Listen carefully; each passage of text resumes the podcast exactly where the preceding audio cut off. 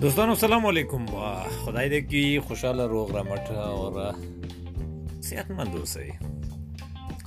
نن به راشو په دا موضوع باندې به وغږیږو چې په دنیا کې ټول انسانان په کوم کوم ډولونو باندې پیسې ګټي یا په کوم لارو پیسې ګټي عمومي توګه باندې کومګ ټول انسانان تقسیم کو په څو کټګوریو کې نو په دا کې څلور قسمه یا څلور کټګوري راځي چې په دا کټګوري کې په ټول نه حواله کټګوري چې دا مامور دی مامور یا په انګلیسي کې امپلای ورته وایي یا موږ ورته په حساب نوکری ورته وایو چې نوکر دی یا ملازم دی یا مامور دی دا مامورین کې دی شي د په شخصي توګه کومه کمپنۍ سره یا موسسې سره کار وکړي او همداسې هم کولی شي چې د دولت مامور وي چې پکې کېدای شي د ډاکټر وي انجنیر وي یا معلم وي یا ترافیک وي یا عسکر وي یا قومندان وي یا وزیر یا والی یا رئیس جمهور وي دا ټول مامورین دي مامورین مونږ چاته ویلې شو مامورین هغه اشخاص ته ویلې شو چې د یو خاص مشخص معاش په بدل کې د روزانه خپل خدمات د خپل د مسلک په اساس چاته وړاندې کوي مثلا یو ترافیک کولای شي چې د سهار اتو بجو نه مازیګر څلور یا پنځو بجو پورې په سړک ولاړ وي او خپل د رسمي وظیفه مخته وړي په همدا شکل یو معلم هم د سهار نه غرمې پورې یا غرمې نه مازیګره پورې یا سهار نه مازیګره پورې په مکتب کې یا په کورس کې یا په کوم بل انسټیټیوټ یا پانتون کې خپل تدریس وکړي په همدا شکل یو پیلوټ یو ډرایور یو عسكر یو ډاکټر یو انجینر د خپل مسلکو سره سم خپل ټاکلي وخت کې او په یو ټاکلي مقام کې مثلا لکه ډاکټر په شفاخانه کې انجینر مثلا په خپل فابریکه کې او یا په خپل بیرونی د کار ساحه کې مشخص ځای کې خپل کار مخته وړي او مشخص معاش لري او د نه معاش نه علاوه کېدای شي ځنې وظایف اضافي نورې مالی یا معنوي ګټې هم ولري فرزن صحي بیمه ولري یا د اولادونو د تحصیل لپاره د دفتر طرف نه ځنې مرستې ولري او همداسې د میاشتې یو یا دوه ورځې رسمي رخصتي هم ولري د جمعه او یا د شنبه او یا یک شنبه چې ځنې ملکونو کې یک شنبه رخصتي وي شنبه او یک شنبه او ځنې ملکونو کې جمعه او شنبه او زموږ په وطن کې فرضاً نیمه ورځ د پنځشنبه او همداسې جمعه ورځ رخصتي وي په دغه ورځو کې هم رخصتي ولري او دا نه علاوه کولای هم شي داسې دی چې مثلا که خدای نخواسته مریض شي نو د مریضۍ لپاره هم یو مشخص تعداد یا مشخص ورځې په میاشت کې یا په کال کې دی لري چې کولای شي د خپل د مریضي رخصتې نه هم استفاده وکړي او د نه علاوه دا خلک اکثریت خاص کر دولتي مامورین د شپېتو یا د دوه شپېتو او یا ځنې ملکونو کې د پنځو شپېتو کلو نه بعد د تقاوت نه هم برخه عمل کیږي چې تقاوت هغه پیسې دي چې فرزند دی د خپل خدماتو په جریان کې په کلونو کې راټولې کړې وي او په اخر کې چې کله دی د نور فزیکی یا جسمی لحاظ نه نور دی وړتیا ونه لري چې دی نور کار وکړي نو اماغه دی تقاوت دوی ته یو مالی مرسته ورسوي ترڅو کړی شي خپل ژوند ته دوام ورکړي دا غشو مالی یعنی د مامورینو کټګوري یا بخش چې په دغه بخش کې دغه سه اشخاص راتلی شي د دغه بخش مشخص څو نقاط چې ډیر مهم دي چې مونږ کولای شو د نورو بخشونو سره یا د نورو کټګوري سره مقایسه کو هغه د دې چې په دغه کټګوري کې خلک چې دي عموما مشخص وخت باندې باید خپل وظیفې ته ځان ورسوي په یو مشخص ځای کې باید خپل کار وکړي مثلا نه دوی دفتر یا د دې د کار ساحه ځای چې دی مشخص ځای کې باید یعنی اوسي اول خپل خدمات وړاندې کړي او دریم دا دی چې کله فرزندې په خپل وظیفه کې ونر مثلا وظیفې ته ونرسیږي نظر په هر دلیل چې وي نو هغه هغه ورځ دې په رخصتۍ کې حسابيږي او هغه رخصتۍ کې ډېر شي نو انا بعد دوی د خپل هغه د معاش مستحق نه ګڼل کیږي او خدای نه خواسته کده طویل المدت وخت لپاره مریض شول یا فرزن نه لاړل قصدن نه لاړل یا نظر په هر دلیل شي نو معاش به نه وي څلورم پوینټ دا دی چې دی معاش چې دی عموما مشخص وي یعنی دی ته د میاشتې په اول تاریخ معلوم وي چې د میاشتې په اخر کې مونږ ته څومره معاش راځي دغه معاش کېدای شي نظر په بعضې دلایلو لږ کم یا زیات شي فرضاً که رخصتیانې وکړي کم شي او که ځینې وخت اضافه کاري وکړي زیات شي خو بیا هم دا دومره ډېر عمده تفاوت دوی په آمدنی کې نه راولي اویدې ازيري یعنی فزیکی حاضری ضروری ګڼل کیږي د په وظیفه کې دا هغه کټګوري شو چې په دکې مونږ داسې خلکو ته ویلې شو چې دی مامورین دي یا د دولت ملازمین دي دویمه کټګوري هغه کټګوري ده چې په دکې دا کټګوري ته مونږ سلف امپلاید یا مسلکی خلک ویلې شو چې دی د بل چا لپاره کار نه کوي یعنی د چا مامور نه دی بلکې د ځان تخپل یو مسلک او یا کاروبار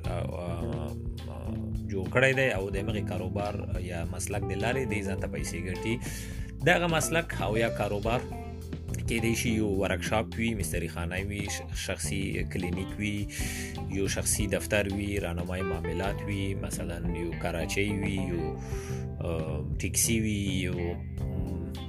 دوکان وي یو رستورانت وي هر شي چې وي خو د دوی خپل وي او دوی د بل چا لپاره کار نه کوي پکې بلکې خپل سهار زی بیګا راځي او پم یا بیګا زی سهار راځي په همدا جریان کې دی پیسې ګټي دغه کټګوري فرق د مخکنی کټګوري سره دا دی چې په دغه کې د پیسې څوک چې پیسې ګټي یا دغه شخص چې پیسې ګټي دا د بل چا مامور نه دی بلکې خپل ځان ته د یو کاروبار برابر کړی دی چې دغه کاروبار په اساس د خپل پیسې ګټي خو څو شیونه دی یو شانته دی هغه د دی چې دا هم لکه د دولتي مامور سهار بزی بیګا برازي یا که د وظیفې د شپې د طرف نه وش په بزی سهار برازي او یعنی چې په یو مشخص وخت به کور نه وزي خپل وظیفه خواته او مشخص وخت باندې واپس عموما راځي او یو مشخص ځای ته بزي یعنی که رستورانت وي رستورانت کې به کار کوي که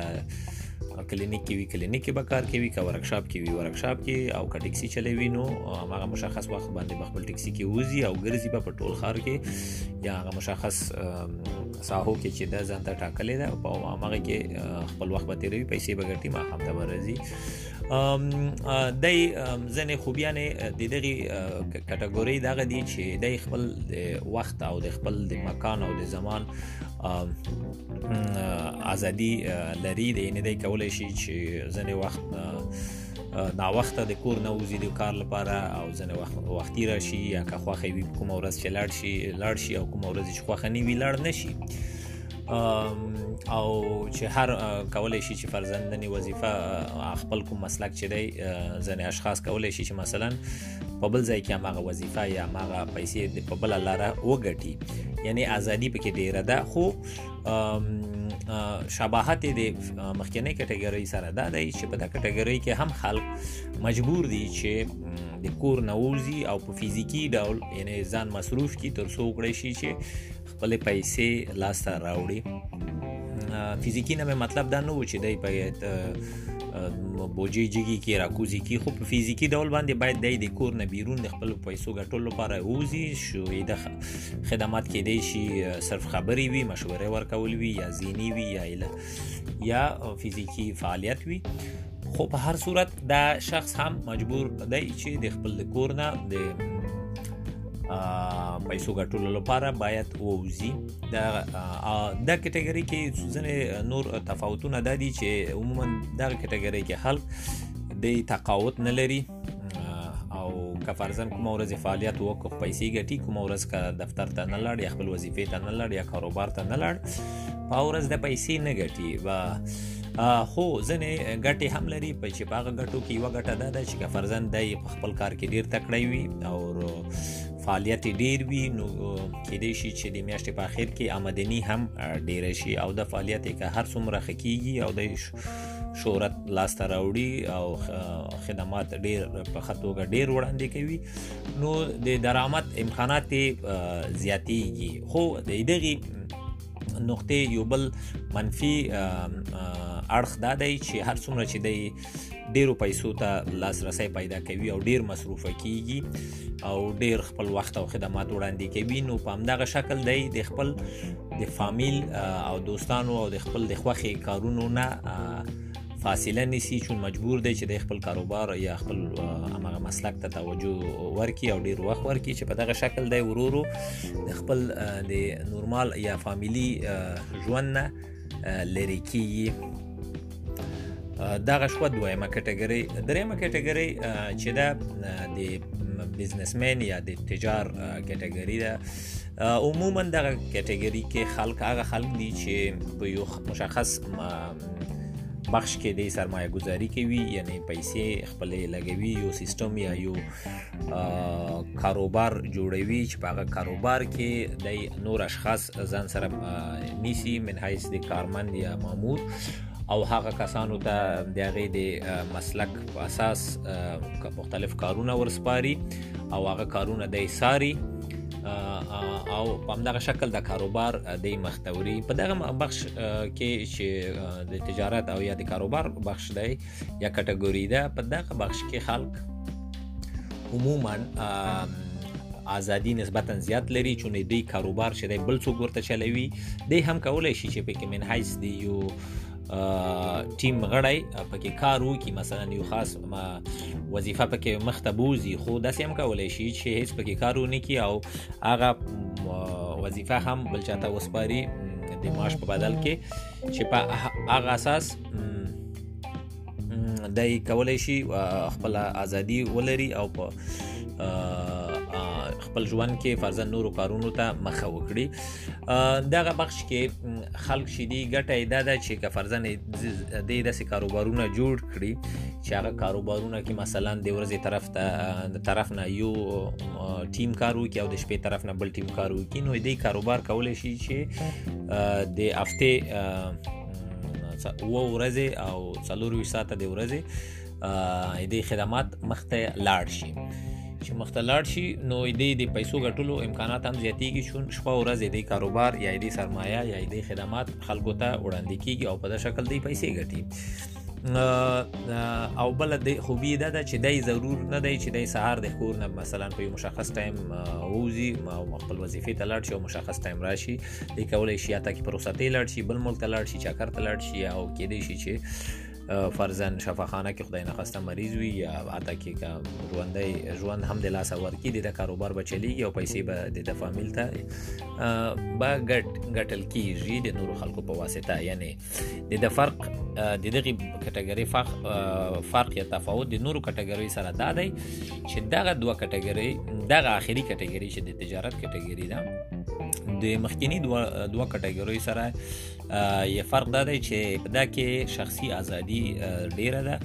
او د پیسو ګټلو امکانات هم ډیر دي چون پیسې تا ته بل څو ګټي ستا سیستم او ستا کارمندان یې ګټي نو او دا کارمندان که تعداد یې زیات شي یا په داسې شکل دی منظم شي چې فرضاً د ورځې د 8 ساعتو په ځای 12 ساعته یا 24 ساعته کار وکړي نو امکانات د درآمداتو زیاتیږي او شخصي ازادي هم د شخص ته پلاس راځي دا شو درېمه کټګوري څلورمه کټګوري سرمایه گذاران یا انویسټرز دي سرمایه گذاران هغه کس دي چې د نه د چا لپاره کار کوي نه خپل کوم کاروبار کوي نه کوم تجارت یا کاروبار په خو دروي او هغه مختوري بلکې د بل چا په کاروبار کې خپل سرمایه یا خپل پیسې شریکوي او د هغې پیسو په بدل کې دی په هغه کاروبار کې شریک کیږي چې هغه کاروبار بل شخص اداره کوي د نورو اشخاصو په ذریعہ او مخته وری او ګټه او تاوان ټول کاروبار او مسایل او ټول نور د سیلانجی چې دی هغه ساري او د میاشتې په اخر کې یا د شپږ میاشتو په اخر کې یا د کال په اخر کې د خپل ګټه او یا تاوان د هغه خپل سرمایه گذاري نه را اخلي داتا انویسټرز وایي د دغه کټګوري ځانګړې خوبي دا ده چې په دا کټګوري کې خلک عموما ډیره زیاته ازادي لري چې د کوم مشخص وظیفه نه لري نه د سهار نه د شپې نه د ورځې او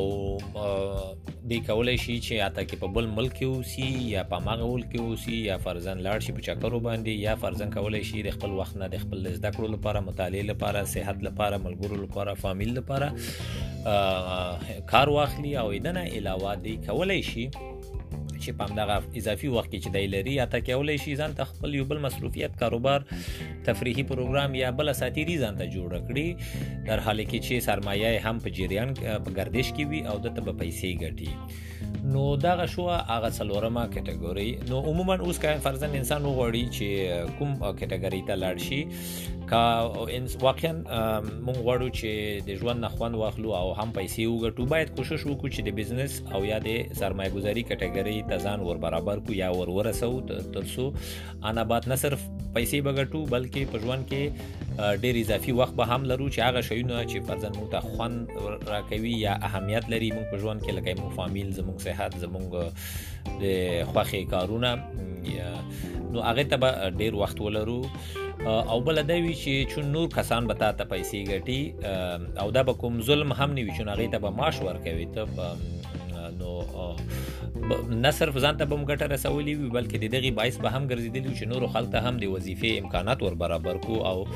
عام د هغه په د مرستې په ذریعہ یا د هغه د کار په ذریعہ ځان ته هم خپل درآمدات